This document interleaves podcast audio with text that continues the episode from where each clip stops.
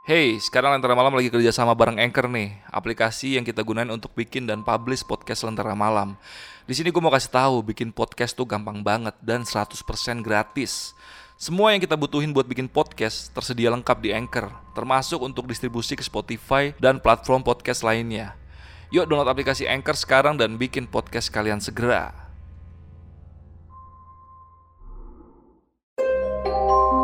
Assalamualaikum warahmatullahi wabarakatuh Selamat malam teman-teman Baik lagi di Lentera Malam bareng gue Adit Dan sekarang kita lagi ada di segmen Saksi Misteri Oke di sebelah gue udah ada Bang Ricardo yang mau share ceritanya Kita kenalan dulu sama Bang Ricardo Bang Ricardo Halo. Apa kabar? Iya, baik. Kali ini Bang Ricardo mau cerita apa sih Yang mau di-share ke pasukan Lentera Malam? Jadi gue mau share cerita tentang rumah kontrakan yang gue tempatin pada tahun 2020. Which is itu adalah TKP, tempat ada mayat ditemukan seminggu. Yang dan yang buka itu polisi, udah ada polisi lainnya. Dan selain itu ada juga teror yang mampirnya ke tetangga gue persis. Iya, iya, ntar lu nih. Berarti rumah yang lu tinggalin itu di kontrakan itu, itu bekas ditemukan orang yang udah meninggal selama 10 hari. Ya, seminggu atau 10 hari lah. Seminggu atau 10 hari lah. Dan, yang ada garis polis lainnya dan yang buka emang polisi dan itu dilaporkan karena udah bau bangkai banget. Bau bangke, warga sekitar yang ngelaporin tuh. Betul. Itu yang tinggal sendirian atau ada keluarganya yang, yang meninggal itu? Ya, gue denger itu dia sebatang kara dan dia tinggal sendirian di situ. Oh. Dan lu dapat informasi nggak dia itu meninggalnya karena dibunuh atau sakit atau gimana gitu? Oke, jadi sebenarnya karena gue udah dapet cerita dari Bang Saud itu, gue tidak mengorek segitu dalam karena gue juga karena gue berpikir gue akan tinggal di situ lama, kayak gue nggak mau tahu aja gitu, mendingan gue nggak tahu. Iya, iya. Karena lo menghindari sugesti-sugesti negatif yang nanti datang ke lu ya. Iya, tapi ya eh, fakta kalau itu dibongkar polisi dan di situ ada mayat setelah seminggu itu terjadi karena gue selalu validasi itu ke tetangga-tetangga. Iya, karena informasi dari tetangga-tetangga lu juga begitu ya. Yep. Dan tadi gue sempat ngobrol sama si Bang Ricardo, jadi sela- sebelum si Bang Ricardo itu tinggal di kontrakan itu, itu kontrakannya benar-benar gelap dan jarang orang yang berani lewat kontrakan itu ya. Iya, jadi emang sebenarnya udah ada kisi-kisi dari tante gue, cuman dibilang nih ada rumah bagus, cuman agak serem orang-orang situ ada takut gitu. Dan memang bener sih kalau gue lupa matiin lampu gitu, itu kelihatan gelap banget. Udah gitu kok kan sekarang terang rumahnya. Kalau orang tuh ngelihat, ya namanya kontrakan kan padat penduduk ya. Setiap orang ngeliat ke rumah gue itu pada ngeliatin gitu. Iya, iya, iya. Kayak ada ada orang ini sekarang nih gitu. Iya, iya. Udah pada berani lewat gitu. Iya, iya, iya. Yaudah, gak usah lama-lama lagi. Sebelum kalian dengar ceritanya, kalian tonton dulu yang satu ini.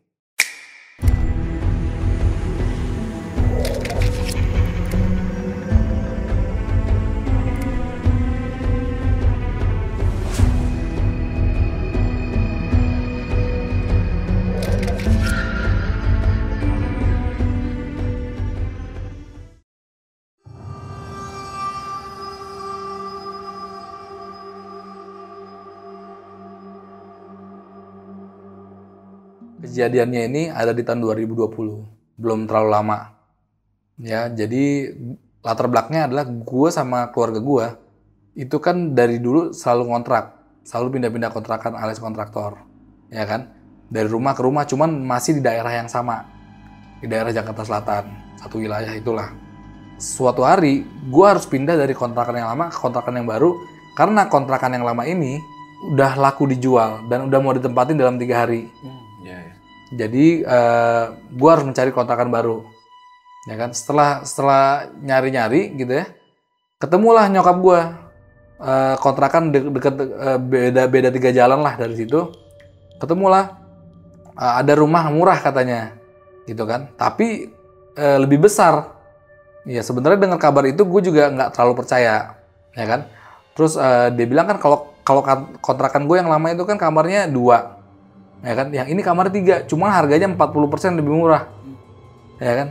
Udahlah la- langsung gue sama nyokap gue senang gitu kan. Langsung kita cari tahu siapa yang punya gitu kan. Tapi memang udah ada sekelibatan kalau misalkan eh, dari orang-orang ya dari tante gue segala macam kalau kontrakan itu serem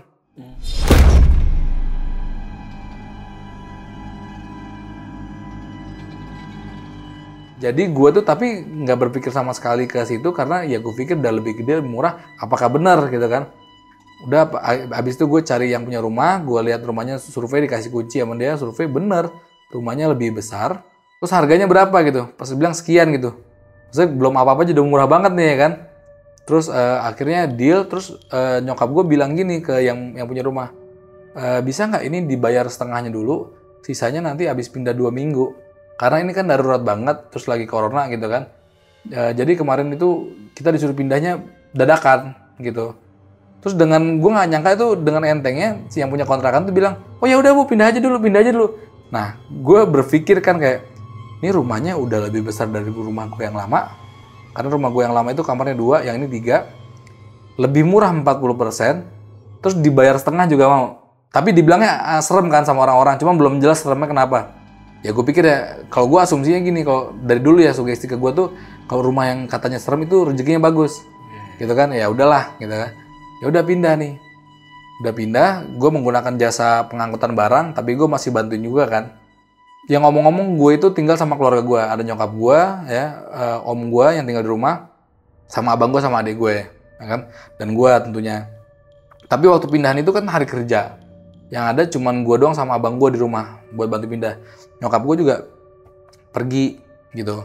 Sore abis ngangkutin barang semua udah udah udah diangkutin cuman belum diberesin ketiduran lah gue di kamar bawah. FYI itu kamar satu di bawah dua di atas. Oke ketiduran kamar bawah yang rencana itu buat kamar om gue. Karena dia udah tua maksudnya kita menghindari dia naik naik tangga gitu kan. Gue tidur di situ ketiduran habis ngangkatin barang capek gitu kan. Nah mulailah teror pertamanya gitu. Jadi kayak dalam mimpi tuh but gue mimpi gitu kan. Mimpi latar belakangnya tuh sama di kamar tersebut. Cuman posisinya gue di luar pintu kamar. Gue ngeliat ke arah kamar yang gue tidurin eh, itu ada dua orang ya. Ini gue lagi cerita merinding juga nih. Terus eh, orang itu sosoknya botak. Gue inget banget yang satu pakai baju kuning yang satu pakai baju merah putih merah garis-garis merah dan putih gitu Kayak tukang sate gitu. kayak tukang sate persis kayak tukang sate gitu kan. Mereka lagi kasak kusuk ngobrol gitu kan. Nah gue tuh sebenarnya orang yang sangat logis gitu loh. Gue tidak terlalu takut sama yang orang-orang sebut kuntilanak pocong gue nggak terlalu takut. Cuman gue tuh lebih takut kayak orang-orang tuh yang bisa nyamain gitu. Kayak misalkan ada lo dia bisa nyama nyamain lah wujud gitu kan. Nah itu yang gue lihat dalam mimpi itu latarnya di tempat gue tidur itu ada orang itu berdua ya lagi ngobrol kayak gue nggak tahu ngobrolin apa. Tapi mukanya sama bajunya doang beda yang sebelah kiri pakai baju kuning yang satu tuh pakai baju tukang sate. Dia ngobrol-ngobrol-ngobrol. Gue dalam mimpi itu gue langsung tanya ke dia eh kok bisa sama nih? Siapa nih yang asli? Kayak gitu kan dia bilang itu terus dia mereka berdua itu ngeliat ke arah gue dan senyum gitu. Senyum kayak orang biasa gitu. Cuman ya setelah gue pikir-pikir sekarang sih senyumnya cukup creepy ya cukup nyeremin ya kalau gue inget-inget gitu. Nah udah gitu eh, yang satu bilang nih yang pakai baju kuning saya mas yang asli. Dia bilang gitu kan terus yang yang pakai baju sate itu eh, ngomong ke gue enggak mas saya yang asli. Dia bilang gitu. Terus yang satu bilang enggak saya yang asli. Dia bilang gitu. Terus akhirnya gue karena gue pribadi yang logis gitu ya gue eh, mau memastikan gitu kan akhirnya gue coba pegang. Itu bahkan dalam mimpi tuh. Gue pegang ke tangannya yang satu zep gitu kepegang. Terasa gitu ada dagingnya di tangan gue. Yang kuning baju kuning bilang enggak mas saya yang asli. Nama saya Agus. Dia bilang gitu kan Oke, terus eh, yang yang yang satu yang pakai baju sate cuman ngelihat ke gua, terus dia cuman senyum. gitu. Tup. Habis itu gua kebangun. Ya kan? Habis itu gua kebangun dan gua ngelihatnya kayak, wah, anjir serem banget ya. Tapi gue berpikir, oh ini kenalan kali ya. Kenalan sama keluarga gue gitu kan. Kayak, oh ya udahlah gua nggak ambil pusing masalah itu.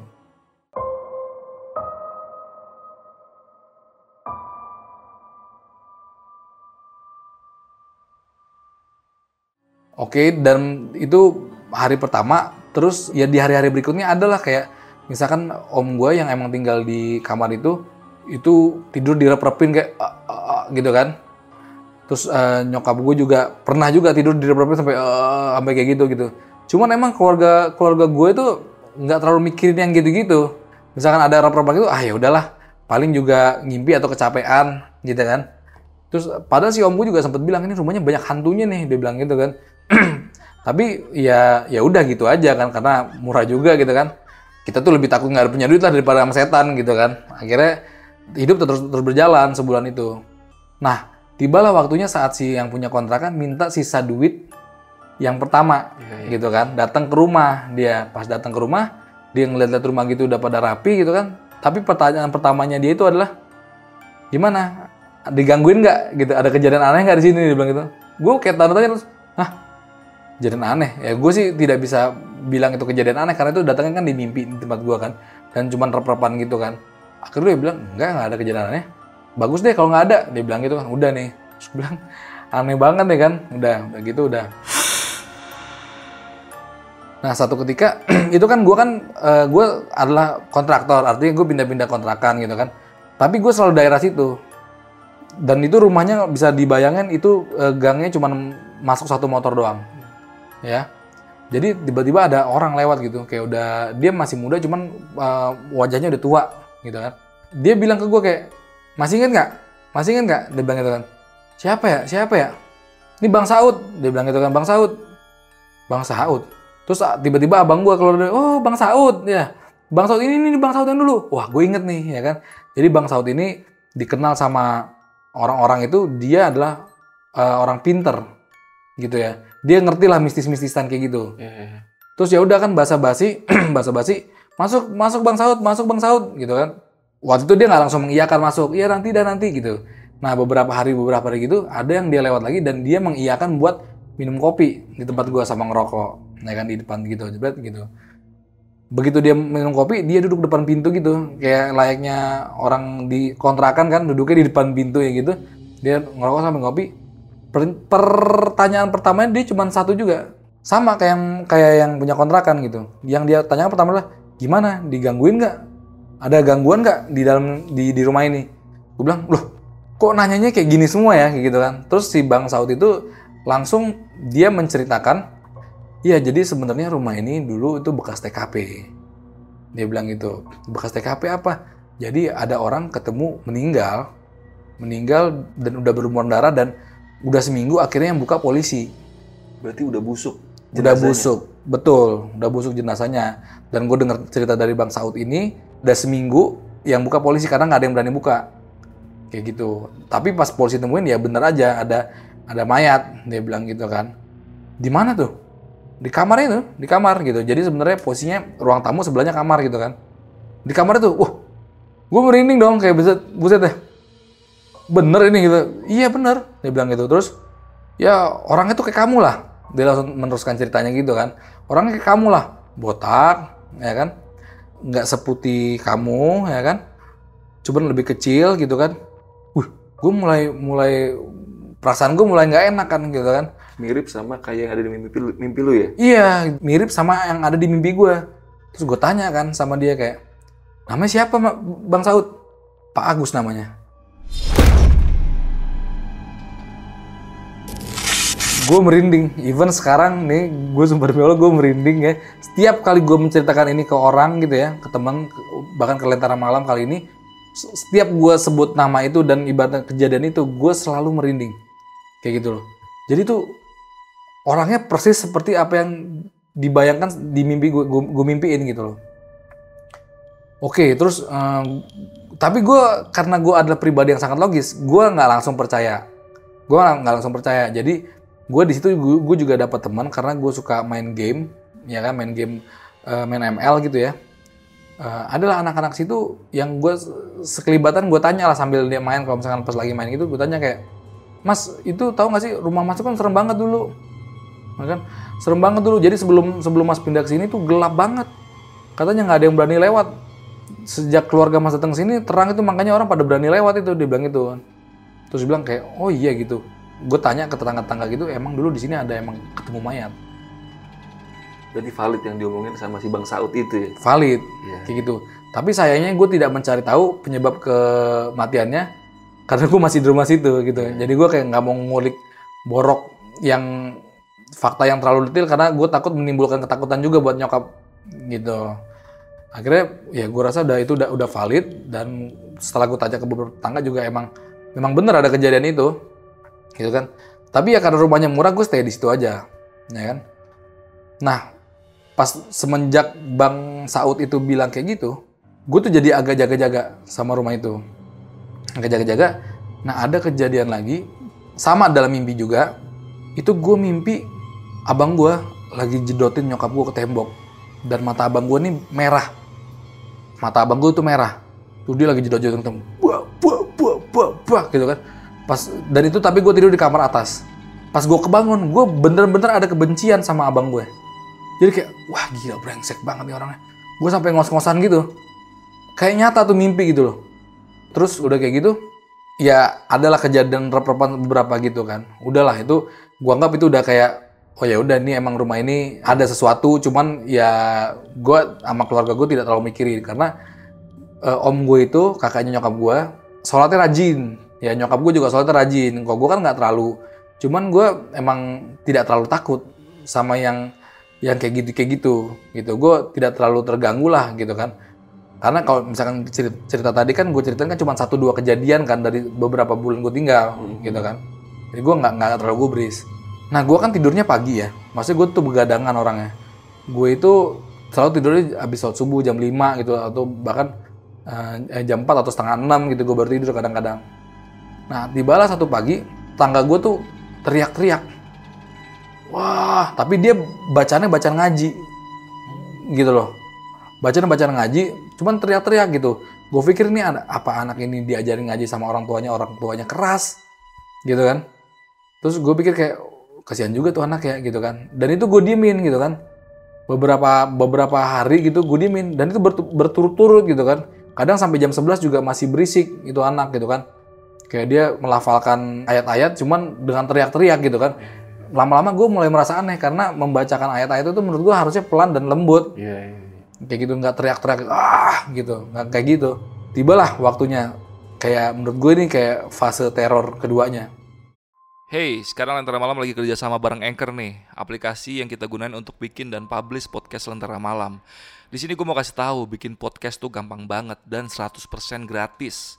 Semua yang kita butuhin buat bikin podcast tersedia lengkap di Anchor, termasuk untuk distribusi ke Spotify dan platform podcast lainnya. Yuk download aplikasi Anchor sekarang dan bikin podcast kalian segera. Ini kan tetangga gue langsung ya.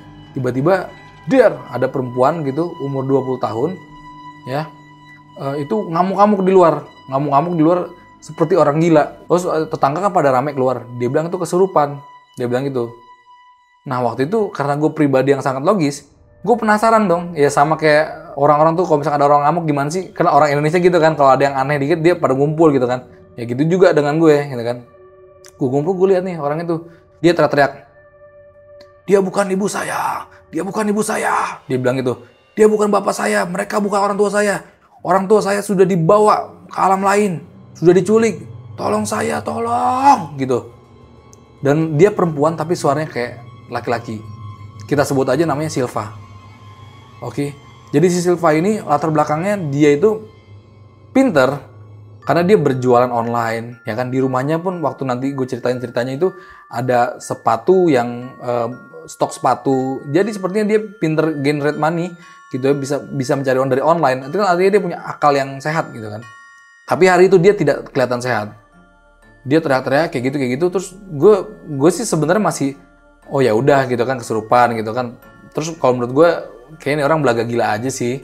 Kayak gitu kan apa cari perhatian atau gimana gitu kan begitu tapi kejadian ini ber, berlangsung kayak dua hari kumat dua hari kumat dua hari kumat berbulan-bulan ya kan?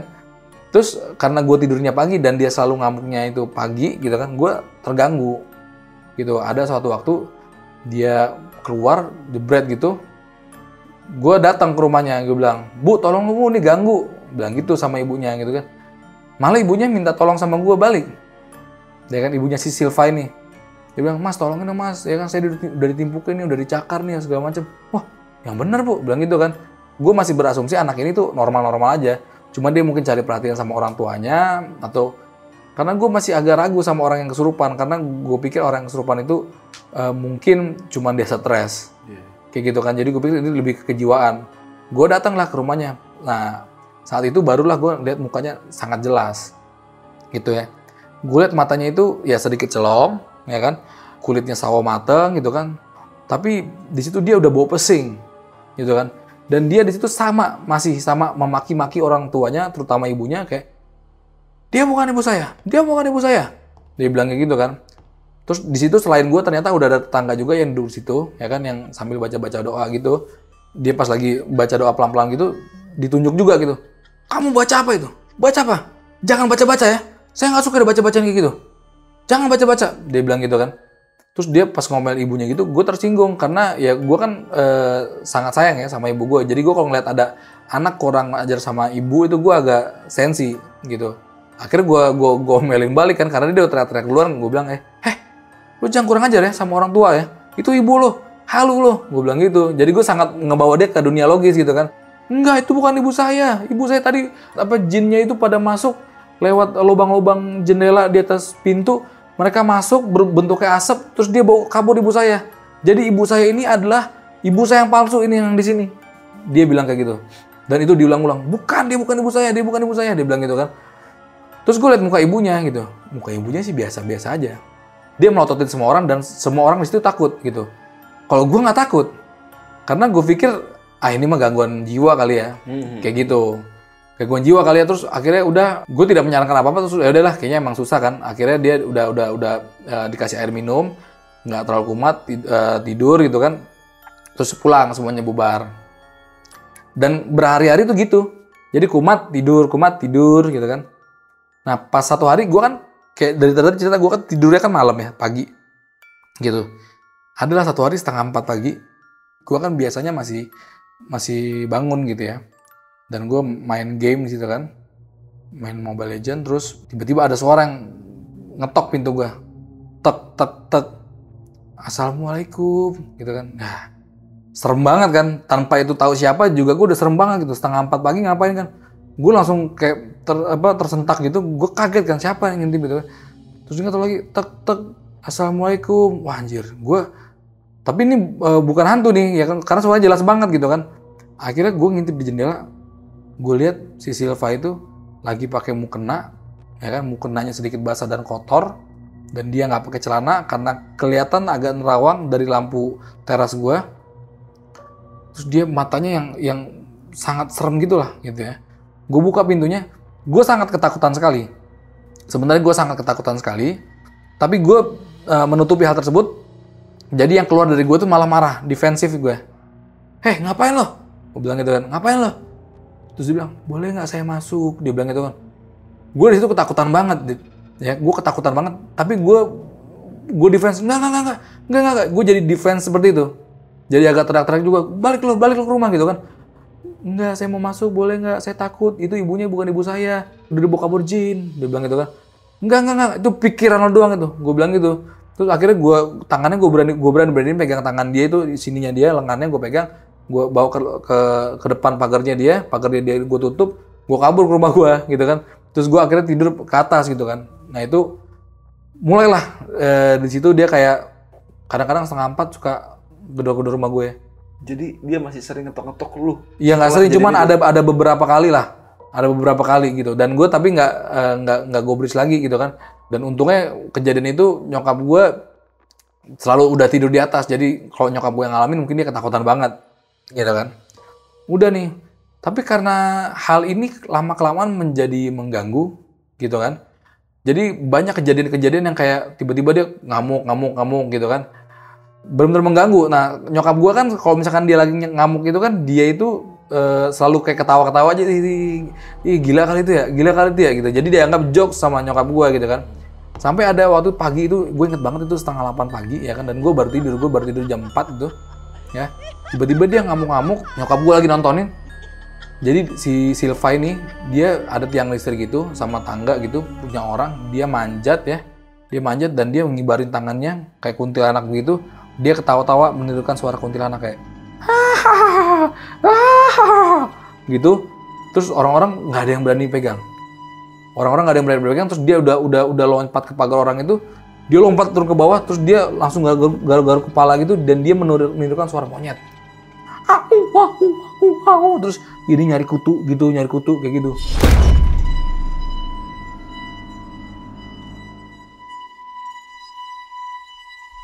Tapi saat itu nyokap gue ngelihat gitu kan, tapi nyokap gue dikejar.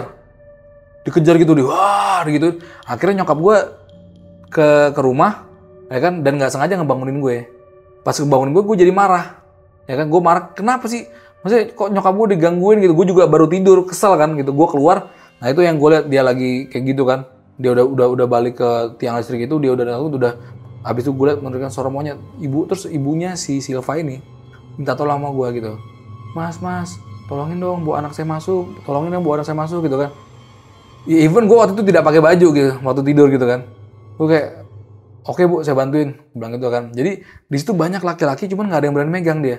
Karena emang sorot matanya itu sangat menyeramkan sih menurut gue gitu. Kalau gue gue berani beraniin aja sebenarnya gue bukan pemberani cuman gue maksain aja gitu kan. Karena ibunya udah minta tolong. Akhirnya tuh si Silva itu gue seruduk kayak orang main rugby brek gitu eh, perutnya ke sini gue gue angkut begini dia eh, kakinya di bawah sini palanya bawah situ dia berontak dan tenaganya sangat kuat sekali. Gitu kan gue bawa dia gue taruh ke rumahnya dibawa masuk eh, which itu bau pesing banget gue taruh di lantai gitu. Warga tuh sekitar udah teriak-teriak dari dari luar rumahnya. Udah bu pasung aja bu pasung bu pasung pasung gitu kan. Dari situ gue agak sedikit iba ngeliat ibunya gitu ya. Cuman ya, akhirnya ibunya juga nggak bisa eh, menampilkan pendapat masyarakat akhirnya diikat lah dia pakai kain diikat di kursi yang kayu jati gitu. Pakai kain tangannya diikat seperti orang di borgol begini ke belakang. Tapi wujudnya sih udah udah udah ngeri banget sih. Ya kan itu kan yang gue cerita tadi kan udah udah lumayan berbulan-bulan kan dan dia setiap hari kayak gitu.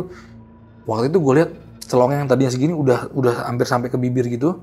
Udah bibirnya celong itu biru matanya merah rambutnya udah literally berantakan eh, bajunya copang-camping dan bau pesing bau pesing banget kayak gitu kan. Wah udah wujudnya udah serem banget deh. Kayak gitu kan. Dan dia masih melafalkan eh, masalah yang sama. Dia bukan ibu saya dia bukan ibu saya. Tolong saya tolong tolong. Tapi anehnya nih kalau misalkan dia dibawa keluar itu dia tenang. Kayak gitu. Dibawa keluar dari lingkungan rumah itu. Iya, jadi kan pernah dia eh, dibawa ke rumah omnya. Tenang, pulang lagi kumat lagi. Dibawa nginep lagi, pulang lagi kumat lagi. Ya kan karena kan orang lain itu kan kayak Omi itu kan mungkin juga kerja kan. Nggak bisa mengayomi dia setiap hari. Tapi setiap dibawa ke rumah dia selalu teriak-teriak hal yang kayak gitu. Nah, pernah ada kejadian final yang buat gue akhirnya stop ngebantu dia. Adalah dia malam-malam setengah 12 malam, gue baru balik kerja. Ibunya gedor rumah gue, ibunya langsung. Dia bilang kayak, Mas, mas, mas, tolong dong mas. Jadi kayaknya gue tuh dianggap berani gitu. Karena orang-orang tuh gak ada yang berani. Jadi dia minta tolong sama gue gitu. Ya sebenarnya gue takut gitu kan. Cuman gue menghargai ibunya gitu kan. Mas, mas, tolong mas, cari Silva mas. Soalnya itu udah kabur nggak tahu ke mana. Dia bilang itu bapaknya udah nyari, saya mau nyusulin nggak ada motor. Dia bilang gitu kan. Udahlah akhirnya gue nyari motor, gue boncengin sama ibunya. Adalah dia ketemu depan masjid deket deket deket situ satu kilometer lah nggak deket juga kan kan itu belok belok kan ketemu dia di situ terus am bapaknya telepon ibunya di sini dia di sini gitu kan gue samperin lah dia ke situ kan disuruh pulang pulang Silvi pulang Silvi nggak nggak mau nggak mau nggak mau nggak mau gitu kan. Gue pegang gini set gue pegang ayo pulang pulang. Gue udah ibunya juga udah pasrah bu maaf nih bu ya gue bilang gitu kan. Terus dia bilang kayak udah bu mas nggak apa-apa gue geret aja ke rumah gitu kan. Gue pegang tangannya ini sumpah dia tenaganya besar banget gitu. Even gue kan gue juga biasa nge-gym gitu kan. Gue bisa angkat angkat berat yang lumayan. Cuman ini perempuan kecil tenaga terlalu besar buat, buat ukuran dia menurut gue gitu kan. Dan nggak ada capeknya gitu kan. Gue tarik wah gila nih. Nah di situ gue ngerasakan nih ada ada yang aneh nih gitu kan terus akhirnya tapi anehnya itu adalah ada orang lihat ya kayak preman tua di situ ya kan dia bilang kenapa sih kenapa sih kenapa sih tiba-tiba tuh si Silva lari ke arah orang tersebut naik motor dia langsung naik motor itu pak tolongin saya pak tolongin saya pak dia bukan orang tua saya nah kan jadi jadi ngadu domba gitu kan Iya, iya. Terus eh, dia bilang, ya udah maunya apa? Mau mau saya jalan-jalan. Gue bisikin sama ibu yang bu, bawa ke Grokul aja bu, rumah sakit langsung, gitu kan? Aduh jangan deh, saya pikir-pikir dulu gitu. Jadi gue bingung juga sama ibunya, gitu. Gue selalu mensuges ibunya tuh buat eh, buat bawa ke rumah sakit jiwa, tapi ibunya selalu mendatangkan dukun. Kayak gitu. dukun yang, di, yang dibuat ngobatin si Iya. Silva Nah ini yang lupa diceritakan. Jadi sebelum sebelum kejadian ini eh, dia sering ngamuk gini, yang datang bukan psikiater atau misalkan eh, dinas sosial, itu selalu dukun yang datang. Sampai gue inget banget beberapa dukun itu ritualnya sampai kayak gini-gini. Eh, muter-muterin rumahnya dia gitu kan, muter-muterin rumahnya dia. Cuman gue pikir kayak ini dukun ada yang iya, ada yang kagak nih kalian gitu ya. Ada juga yang ngaku-ngaku dukun tapi mau duit kali. Gue ber, seuzonnya begitu kan gitu. Tapi ada satu waktu itu yang eh, kalau ini gue nggak lihat langsung, cuman abang gue yang lihat gitu kan dia itu ada satu dukun dukunnya udah agak tua cincinnya besar besar gitu kan Eh, orang pinter kali kita bilang ya terus dia udah duduk gitu tiba-tiba dia itu pencet jempolnya si Silva itu dan itu keluar muntah hitam itu kalau misalkan lo udah nonton mirip filmnya eh, The Medium jadi muntahnya hitam semua kayak gitu Nah, pokoknya yang dipanggil selalu dukun lah, kayak gitu kan. Dan gue merasa kayak ada yang aneh nih. Apa dia malu anaknya ada penyakit kejiwaan? Ataukah ada sesuatu yang dia tahu cuma dia nggak mau bilang? Gue udah mulai aneh gitu kan. Nah, balik lagi ke cerita si yang naik motor itu. Akhirnya bapak-bapak ini eh, bilang sama orang udah saya bawa jalan bawa jalan-jalan aja dulu, mungkin dia stres kali gitu. Akhirnya udahlah dia naik motor sama bapak-bapak itu, which is umur udah 60 sekianan, menurut gua.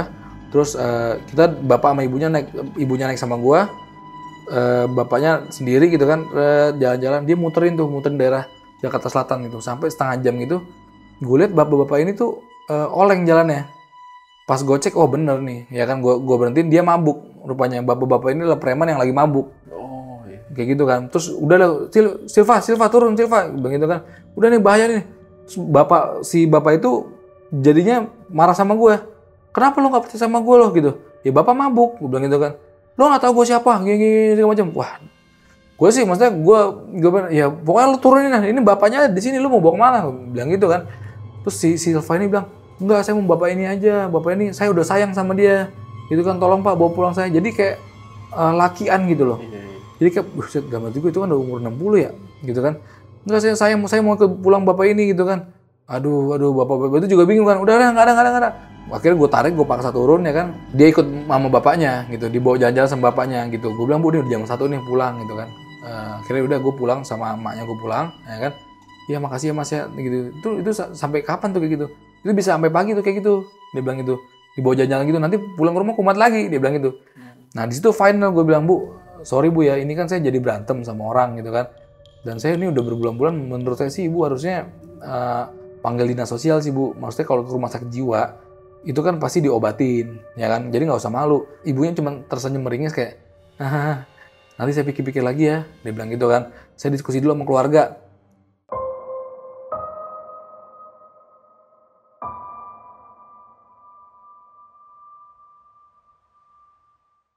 Terus udahlah dari situ gue tuh merasa makin merasa makin aneh sama ini orang ya kan sama keluarga ini gitu. Apakah dia nggak mau ke rumah sakit karena takut bayar? Karena eh, karena nggak punya uang gitu karena lagi corona gitu kan.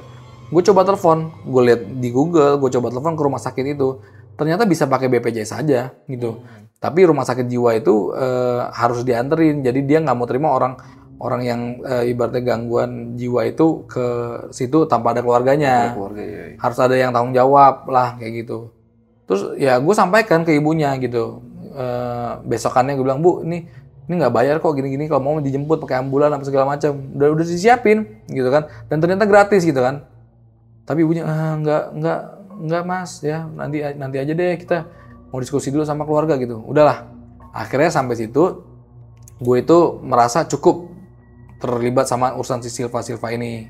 Gue kayak ah udahlah ini lama-lama ganggu juga ya kan? Dan setelah kejadian itu dia mau teriak-teriak kayak apa gue udah males gitu. Bahkan gue udah ibunya tuh kalau misalkan ngeliat gue tuh kayak merasa tolongin gue dong karena nggak nolongin kan gitu kan? Tapi gue merasa udah wah udah enough dah karena gue banyak kerjaan juga yang gue pikirin gitu kan? Nggak bisa gue bantu lu tiap hari gitu kan? Karena dia pun nggak mau ngikutin saran yang lu kasih juga. iya, ya. karena dia tidak mau mengikuti saran yang gue kasih untuk rumah sakit jiwa gitu kan. Yang dia panggil itu selalunya menurut gue orang pinter gitu. Terus akhirnya udah karena itu gue udah, udah jadi hilang agak hilang respect juga ya sama maksudnya kasihan anaknya juga kan gitu kan. Akhirnya udah gue gak ikut ikutan. Ya abis itu gue menikah dan gue nggak tinggal di rumah situ lagi. Cuman keluarga gue itu masih tinggal di situ tapi karena keadaannya kayak gitu terus dapat rumah yang lebih bagus juga ya hampir setahun di situ akhirnya gue pindah. Keluarga gue juga pindah. Gue udah pindah duluan karena nikah tinggal rumah mertua. Keluarga gue udah akhirnya beberapa bulan setelah gue mereka pindah juga ya kan? Mereka pindah juga terus ya udah kayak cerita itu nggak pernah kita angkat lagi.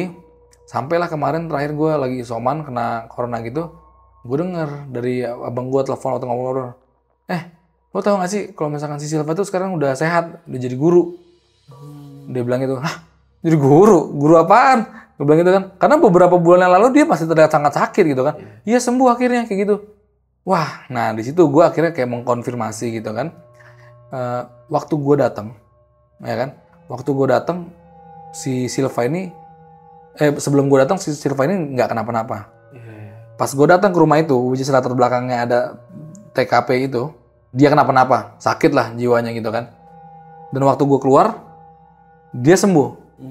Dan apa yang dia lihat itu, apa yang dia lihat itu, dalam artian ciri khasnya sama sama yang gue lihat. Jadi gue melihat ada jin yang suka menyerupai orang. Karena dari tadi kan mimpi yang si Agus itu, ya kan, yang ciri khas sama. Terus gue mimpi setan itu atau jin itu dia ngejedotin nyokap gue. Berarti kan dia menirukan abang gue. Dan yang ketiga mimpinya si Silva ini, yang dia bilang ini bukan ibunya, ini bukan ibunya, gitu.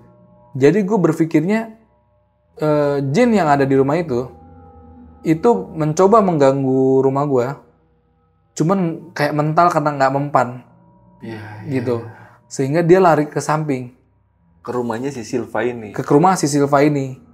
Ya itu aja cerita dari gua. Kurang lebihnya gue minta maaf. Semua yang gue ceritakan itu bukan nama asli. Assalamualaikum warahmatullahi wabarakatuh.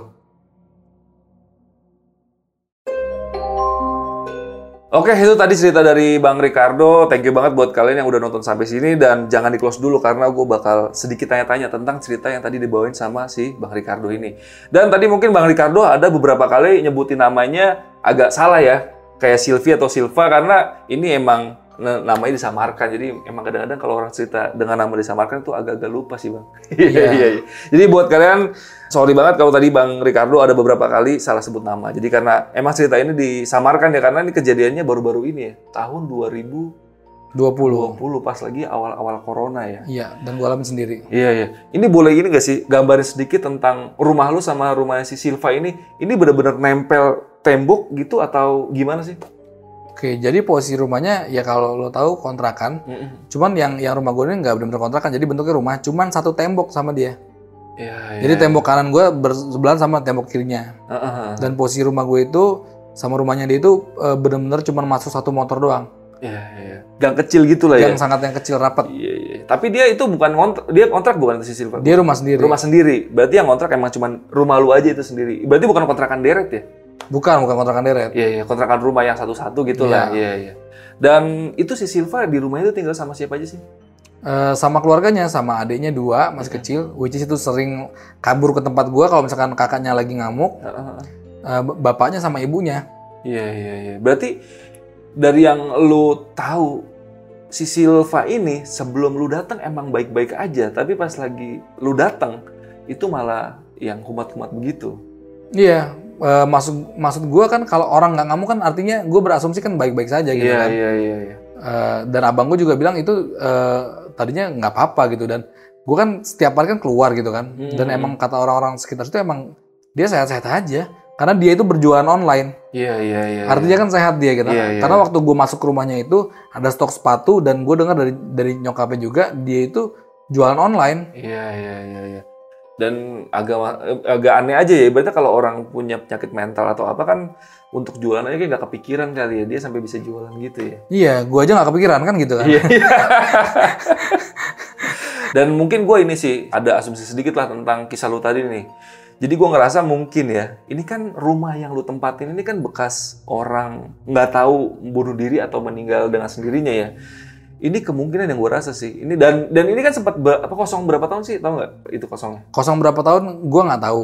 Cuman eh, terakhir ada orang yang di situ orang Bandung dia nggak lama di situ karena dia habis itu beli rumah. Oh iya iya iya. Tapi nggak dengar cerita ada horor-horornya kalau pas ditempatin dia. Iya, gue dengar sih dia pindah juga Karena ada mistisnya juga. karena karena ada bisnis juga. Iya, iya. Jadi asumsi gue sih kemungkinan. Jadi karena rumah ini udah terbiasa kosong, pas lu tempatin, penghuni itu kayak nggak suka. Dan karena nggak bisa ngeganggu lu langsung, dia ngeganggunya lewat si Silva buat supaya keluarga lu itu ya nggak nyaman lah tinggal di situ mungkin ya. Tepat dan tujuannya pas emang nggak nggak nyaman sih. Iya iya. Tapi akhirnya ya lu pindah bukan karena itu kan pak, karena pindah ya karena lu udah menikah dan Ya. mungkin keluarga lu dapet tempat lagi yang lain, ya, akhirnya yang lebih pindah. betul. Dan menurut gue ya jinnya nggak berhasil buat ngeganggu lu untuk apa nggak tinggal di situ. Itu berapa lama lu tinggal di situ? Hampir setahun. Hampir setahun ya. Hampir setahun. Iya iya iya. Dan rumah itu masih ada sampai sekarang. ya? Masih ada. Kabarnya ada yang nempatin lagi nggak rumah itu? gue cuma dengar kabar si Silva sembuh gitu. Udah itu doang ya. Udah itu doang. Dan dia jadi guru. Dan dia jadi guru gitu. Agak aneh juga ya dia dari orang yang stres begitu bisa jadi guru ya. Iya kan? Kenapa nggak jual online lagi? Iya iya. Kayak duitnya lebih banyak kan online dah. Iya. Oke bang, ini kan eh, si Silva ini kan sempet di pasung ya karena warga itu minta ibunya buat si Silva ini dipasung ya. Iya. Dan dia dipasung itu kan pakai akhirnya pakai tali ya, pakai bukan pakai tali, Kain. pakai kain ya. Diikat pakai kain itu dipasungnya berapa lama sih dia? Eh, gue rasa sih berhari-hari ya, Berhari-hari. berhari dan gue denger itu dia makan itu dalam empat hari cuma sekali dia makan.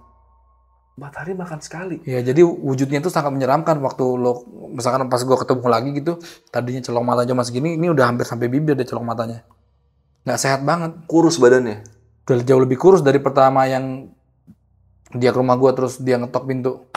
Tapi berarti ini ya, terus sama eh, fisiknya si Silva ini ya, yang ini yang, yang serem juga kan karena dia sampai badannya bau pesing ya. Ya. Itu kayak nggak pernah mandi berarti pas selama dia sakit itu kayaknya ya. Iya, jadi kencing di situ mungkin juga sorry ya, pup di situ kali ya. Makanya baunya tuh sangat nyengat banget. Yang yang gue heran itu kenapa udah udah udah udah kayak gitu masih bertahan nggak mau dibawa ke rumah sakit Iya, kayak iya, gitu. iya. Itu kan udah nggak bener. Dia selalu mendatangkan sorry ya dukun Iya, kalau menurut gue. Yang menurut gue setengah dari mereka adalah palsu kalau menurut gue. Iya, iya. Dan tadi dukun yang cukup serem tuh yang sempat mencet jempolnya si Silva itu ya. Dia muntah darah tuh darah air atau kental gitu gimana sih? Nah oke itu gue nggak lihat langsung. Cuman yang lihat adalah abang gue.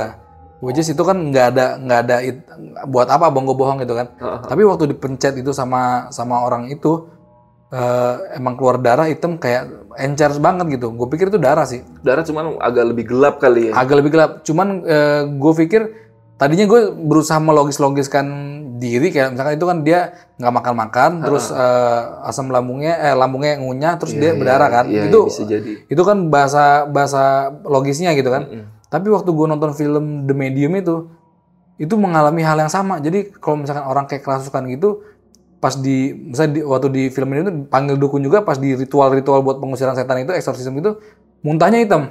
Iya, iya, iya. Karena gue juga sempat juga dengar beberapa cerita itu banyak yang ibaratnya kayak kena guna-guna sih biasanya yang yang kena Nah. kayak gitu ya. Kena guna-guna biasanya bisa muntah hitam atau kadang-kadang saat di scan atau di ronsen itu di perutnya itu ada sesuatu lah yang Paku, aneh-aneh. bahkan Iya. apa segala macam. Iya. Itu kan, maksudnya selogis-logisnya kita, Iya, iya, iya. saat ngeliat hal kayak gitu, kita cuman, Iya, cuman iya. yang ada di dalam kepala kita cuman mungkin, mungkin, mungkin, mungkin, mungkin gitu. Iya, iya. Tapi yang yang kita tahu ya itu kejadian depan Iya, iya. depan mata gue Iya, gitu loh. iya. Gila sih itu jangan jangan sampai lah kalian ngalamin hal-hal kayak gitu karena eh, apalagi kalau ini potensi diguna-guna juga kadang-kadang bisa juga kali diguna-guna ya si Silva ini. Nah, yang menjadi pertanyaan gue adalah kenapa ibunya selalu memanggil dukun? Iya iya iya iya. Ya nggak? Ini seuzonnya gue aja. Apakah eh, dia pernah melakukan sesuatu di masa lalu, melakukan perjanjian dengan siapa, Mm-mm. gitu kan?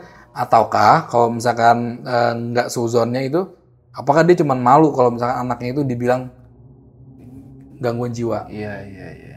Karena setiap ibu di mana pun pasti akan patah hati ya kalau ngeliat anaknya sampai masuk rumah sakit jiwa ya, kayak gitu ya dengan kondisi yang kayak gitulah. Ya tapi kalau misalkan kita punya anak terus Iya, anak kita gitu kan kita prefer buat sembuh dong Ya, pasti sih. dibandingin manggil dukun Iya iya gitu. Jadi itu ada satu satu misteri iya. kalau buat gue. Ya, jadi dia pernah perjanjian setan gitu. Ya Nah. karena imbasnya anaknya ini. Gue gue berpikir ke situ sih Iya, ya. Maksudnya buat orang yang yang gue logis ini itu sangat berlawanan sama apa yang ada dalam kepala gue. Iya iya. Cuman ya itu mungkin aja terjadi. Ah, iya, iya. Tapi pas lagi habis diobatin sama dukun yang sampai si Silva ini muntah, itu ada perubahan sedikit nggak sih dari si Silvanya? Selalunya gini, selalunya itu dia diobatin, Heeh, dia dua hari kalem, heeh. terus atau seminggu kalem kumat lagi Kumat lagi. Berarti nggak sembuh-sembuh. Baru yang terakhir kali lu dengar kabarnya, dia benar-benar sembuh dan bisa ngajar ya. Iya, udah jadi guru dia. Iya, iya, iya. Oke, oke deh. Ya udah buat kalian yang lagi nyari-nyari kontrakan, gua harap kalian hati-hati kalau mau nyari-nyari kontrakan. Kalau bisa ya dicari-cari dulu lah background-background tentang rumah itu dari tetangga-tetangga sebelah. Siapa tahu kalau kalian orangnya penakut, ya jangan tinggal di situ. Tapi kalau orangnya pemberani kayak si Ricardo ini ya tinggal-tinggal aja ya karena harganya murah biasanya ya. Iya, Rumah-rumah begitu ya. betul. Ya, jadi mungkin lebih ke ini kali ya. Setan itu kan tujuannya buat menakut-nakutin, Iya, iya. buat menebar ketakutan. Iya. Dia tujuannya di situ. Ya kalau kita nggak nggak takut ya nggak kena gitu. Iya, iya, iya. Dan lu sempet ngomong ini rumahnya lumayan bawa rezeki ya. Oh iya. Karena lu pas lagi tinggal di situ bisa ketemu sama jodoh lu ya. Iya, jadi eh, kalau ini suggestion ya, maksudnya Mm-hmm. sugesti gue dari zaman dulu itu eh, apa kayak rumor atau mitos itu, ya, kalau rumah banyak hantunya itu ba- bawa hoki. Oh, Gue rasa nih banyak juga uh, orang kita yang berpikir kayak gini gitu kan. iya, iya. Eh, karena waktu waktu waktu eh, dapat rumah ini ya adalah kerjaan-kerjaan yang gue nggak bisa gue nggak bisa sangka kalau itu bisa dap- dapat ke gue Mm-hmm. dapat ke gue gitu kan gue juga ketemu jodoh gue juga setelah rumah itu terus bisa pindah kayak gitu Iya, iya. jadi ya itu cuman sugesti aja cuman terjadi Iya, iya, iya. Oke, ya udah paling segitu aja cerita malam ini. Thank you banget Bang Ricardo udah share cerita di Lentera Malam. thank you Kalau ada cerita-cerita lagi kapan-kapan share-share lagi lah ya. boleh boleh Yaudah sebelum gua close videonya, gua mau infoin dulu nih kalau Bang Ricardo juga ini juga punya YouTube channel ya. ya food Dan blogger isinya makanan food blogger. Iya. Kayak Next Carlos ya. iya Ya, mirip-mirip lah pokoknya kayak gitu ya. keren Namanya apa? Ricardo Rian Ricardo Rian. Nanti Iya. linknya gua taruh deskripsi sama Instagram lu deh kalau ada yang mau tanya-tanya tentang cerita lu tadi yang lu bawain. boleh boleh boleh nanti eh, gua kasih instagramnya Oke, nanti Instagramnya gua taruh di deskripsi. Jadi jangan lupa habis dari video ini kalian mampir-mampir ke YouTube channelnya Bang Ricardo. Nanti linknya gua taruh deskripsi. Kalau bisa kapan-kapan kuliner yang agak-agak serem. Lentera Boleh tuh. pernah bikin tuh soalnya. boleh Oke. ada udah ada Udah ada tuh. udah ada bahannya Tagih nanti di Instagramnya Bang Ricardo. Kuliner kuliner horor. Yaudah, paling gua rasa malam ini cukup. Thank you banget Bang Ricardo sekali lagi udah share ceritanya. Gua Adit dari Lentera Malam, Bang Ricardo izin pamit. Bye.